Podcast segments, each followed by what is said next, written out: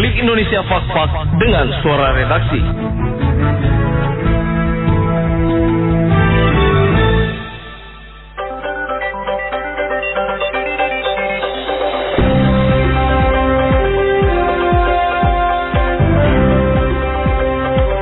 Saya, Budi Rasidi, akan mengetengahkan peristiwa aktual dalam sepekan silam, Minggu 4 Oktober 2020 di antaranya, netralitas ASN dalam pilkada di Kabupaten Fakfak, serah terima jabatan Kabak Ops dan Kasat Binmas Polres Fakfak, pelatihan pemandu wisata selam oleh DPC HPI Kabupaten Fakfak, netralitas Polri dalam pilkada, pernyataan sikap anggota Satpol PP terkait pengumuman hasil CPNS Formasi 2018, pembentukan Pokja Japersal tingkat Kabupaten Fakfak, dan pelatihan tata boga pembuatan roti dan kue oleh UPTD BLK Kabupaten Fakfak.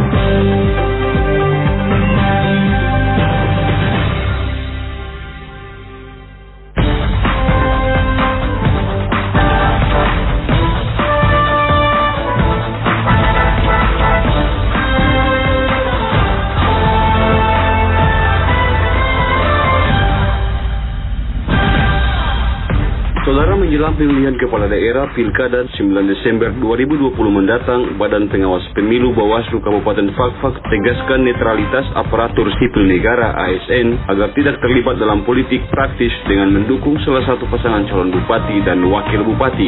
Ketua Bawaslu Fakfak Fahri Tukuwain kepada awak media mengungkapkan terkait hal ini maka tanggal 10 September 2020 lalu telah ada keputusan bersama antara Kemendagri, Ketua KSAN, Menpan RB, Kepala BKN dan Ketua Bawaslu RI tentang netralitas ASN dalam Pilkada 2020 di mana dalam keputusan tersebut ASN yang tidak menaati aturan maka akan ditindak tegas sesuai peraturan yang berlaku. kepada seluruh ASN yang terlibat politik praktis dengan mendukung calon bupati dan wakil bupati dengan tidak mentaati aturan netralitas ASN, kami menghimbau agar jangan aneh-aneh dalam pilkada ini.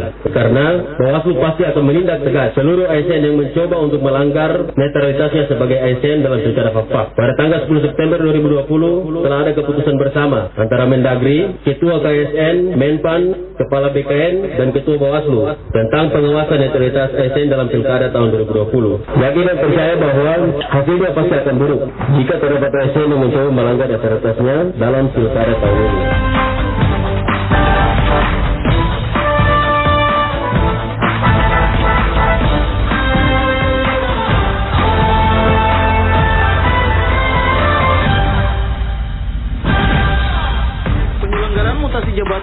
Lingkungan organisasi Polri merupakan hal wajar. Ini dimaksudkan selain untuk penyegaran organisasi, juga sebagai pembinaan karir bagi pejabat yang bersangkutan. Seperti halnya pada serah terima jabatan Kasat Binmas dari Ibtu Jahara Sosilawati kepada Ibtu Ilham dan Kabak Ops AKP Kristianus Madia Masale yang menyerahkan jabatan kepada Kapolres AKBP Ongkis Gunawan dikarenakan penggantinya belum berada di tempat yang berlangsung dalam bentuk upacara di halaman Mapolres Fakfak. Kapolres AKBP Ongki Gunawan dalam amanatnya mengatakan setiap penugasan maupun jabatan yang diberikan merupakan sebuah amanah yang perlu dilaksanakan dengan penuh rasa tanggung jawab serta diperlukan dedikasi yang tinggi guna mewujudkan keberhasilan. Kapolres juga memberikan apresiasi terhadap kinerja Kasat Bimas dan Kabak Ops yang lama atas loyalitas serta kinerja selama melaksanakan tugas di Polres Fakfak. Sedangkan kepada pejabat Kasat Bimas yang baru, Kapolres mengucapkan selamat serta kiranya dapat menunjukkan kinerja yang lebih baik demi pelayanan kepada masyarakat. sebagaimana kita maklumi bersama bahwa tanggung jawab atas suatu jabatan adalah amanah sekaligus kepercayaan di mana di dalamnya mengandung konsekuensi yang tidak ringan. Sehingga setiap jabatan dituntut untuk dapat penampilan kinerja yang baik agar mampu membawa perubahan di dalam organisasi yang dipimpin ke arah lebih baik. Saya yakin dan percaya hal ini tentunya telah dilaksanakan oleh para pejabat yang lama yang telah menyerahkan tugas dan tanggung jawab jabatan kepada para pejabat baru. Oleh karena itu, pada kesempatan ini perkenankan saya secara pribadi selaku Kapolres serta keluarga besar Polres Papak menyampaikan ucapan terima kasih kepada AKP Kristianus Madia Masale yang telah melaksanakan tugas dengan baik sebagai Kabak Polres Papak, di mana saudara telah banyak membantu organisasi dalam bidang pembinaan maupun operasional. Kemudian saya ucapkan juga terima kasih kepada uh, Kasat Bima Mas yang lama itu Jara Sosilawati yang selama ini telah melaksanakan tugas dengan baik sebagai Kasat Bimas Korek Fakfak. Saudari telah banyak membantu organisasi dalam menyelenggarakan fungsi pembinaan kepada masyarakat. Kemudian saya ucapkan juga selamat bertugas kepada AKP Kristianus Mandia Masale ya, di jabatan yang baru di Lukwandama. Kemudian kepada Ibu Jahra selamat bertugas.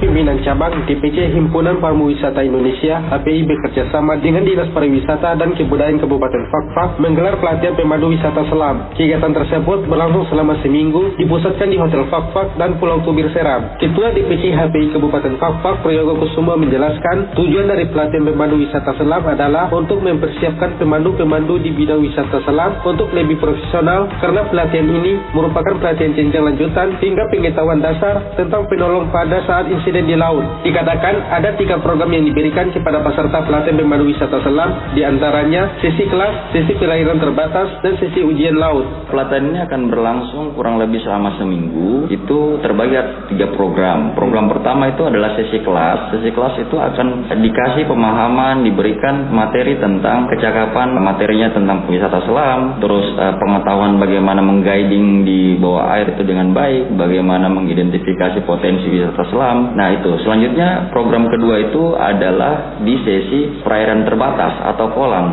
Nah di sini kita akan mengevaluasi dari pertemuan pertama itu bagaimana mereka mempraktikkan cara memandu di lapangan. Mulai dari setting alatnya, memberikan informasi tentang satu spot wisata selam. Di program terakhir itu adalah sesi perairan laut dalam. Di sini kita sudah seperti ujian halnya, jadi peserta sudah mengambil posisi sebagai seorang pemandu yang profesional. Jadi kami e, bertindak sebagai wisatawan. Bagaimana mereka memberikan pengarahan kepada kami. Ya di situlah adalah ada momen di mana mereka eksamnya atau ujiannya itu untuk e, kelayakan sebagai seorang pemandu wisata selam.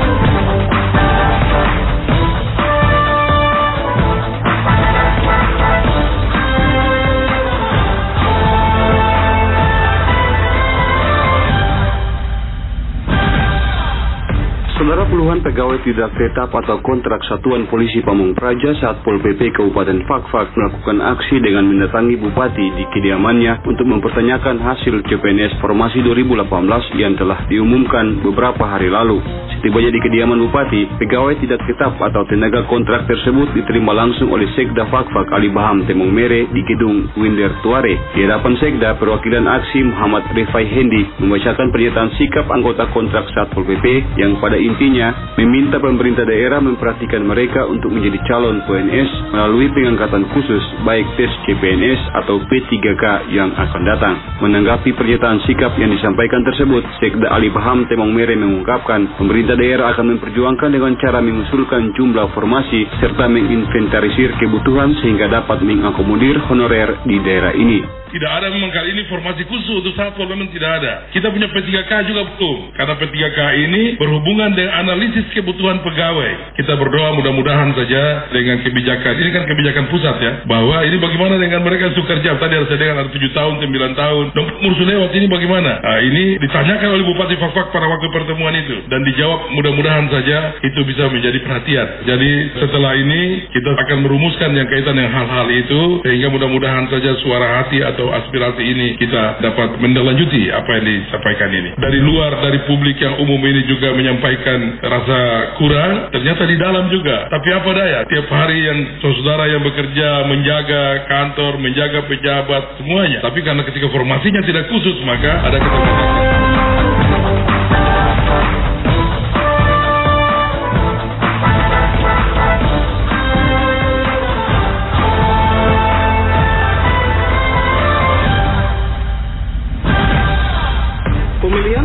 Merupakan pilar demokrasi yang secara hukum dan politis merupakan keniscayaan dalam negara modern. Namun dalam penerapannya, tidak semua unsur warga negara dapat menggunakan hak politiknya seperti halnya personil Polri. Kapolres AKBP Ongki Gunawan di hadapan personilnya mengatakan, sebagai anggota Polri harus menjaga netralitas karena Polri tidak berpihak kepada calon yang mengikuti pilkada. Dijelaskan, hal tersebut telah mendapat perhatian serius oleh Kapolri yang menegaskan akan menindak tegas oknum anggota yang terlibat dalam politik dan akan diproses disiplin maupun kode etik. Menurut Kapolres, Polri diberikan peran, tugas, serta kewajiban sebagai unsur anggota pengawas, pengamanan, dan pelaksana pemilu-pemilu kada langsung dari Bapak Kapolri, kita sebagai anggota Polri harus netral. Tidak ada lagi saya lihat atau saya dengar, atau mungkin di media sosial dan lain sebagainya, rekan-rekan yang memihak kepada salah satu pasangan calon. Simpan itu dalam hati. Tidak ada diucapkan melalui mulut rekan-rekan ataupun melalui jari rekan-rekan dengan mengetik di sana sini. Ancaman dari Bapak Kapolri langsung sempat ada yang tidak netral di dalam pelaksanaan pemilu kada ini akan diproses baik disiplin maupun kode.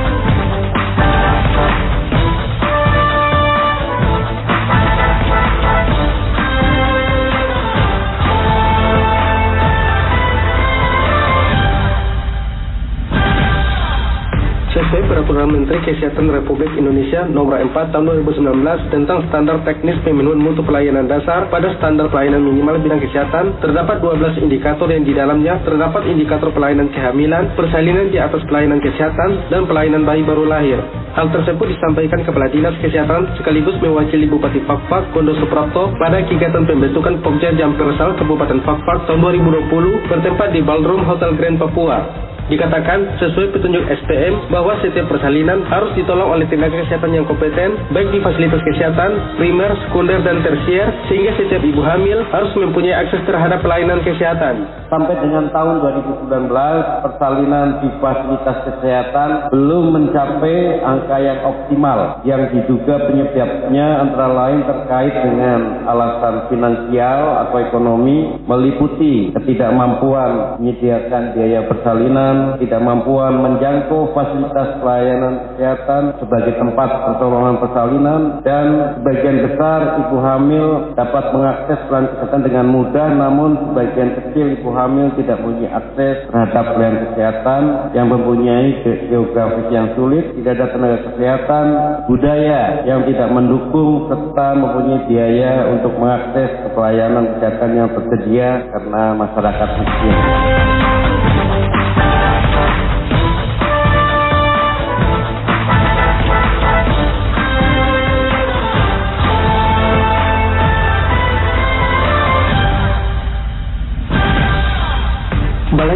Kerja BLK Kabupaten Fakfak selama 16 hari memberikan pelatihan tata boga berupa pembuatan roti dan kue kepada peserta pelatihan yang dipusatkan pada salah satu rumah warga di Kelurahan Wagam Distrik Pariwari.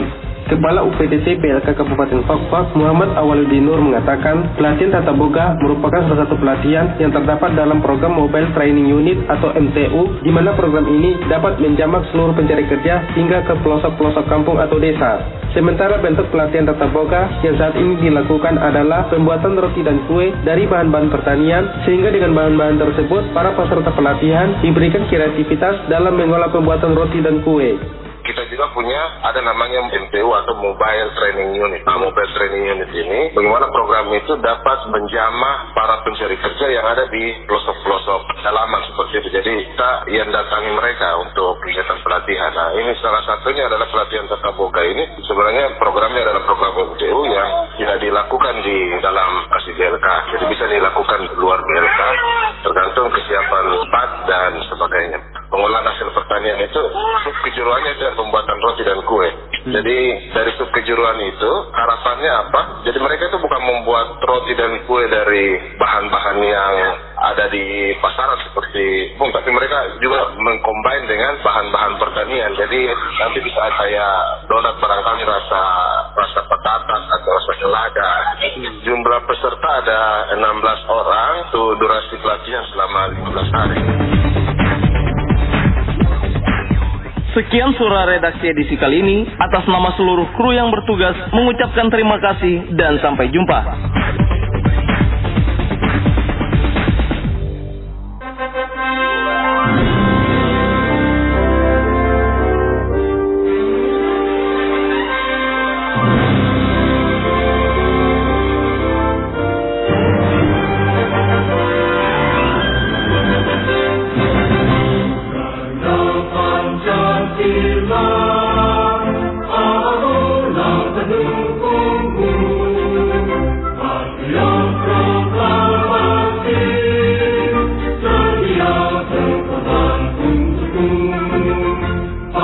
you.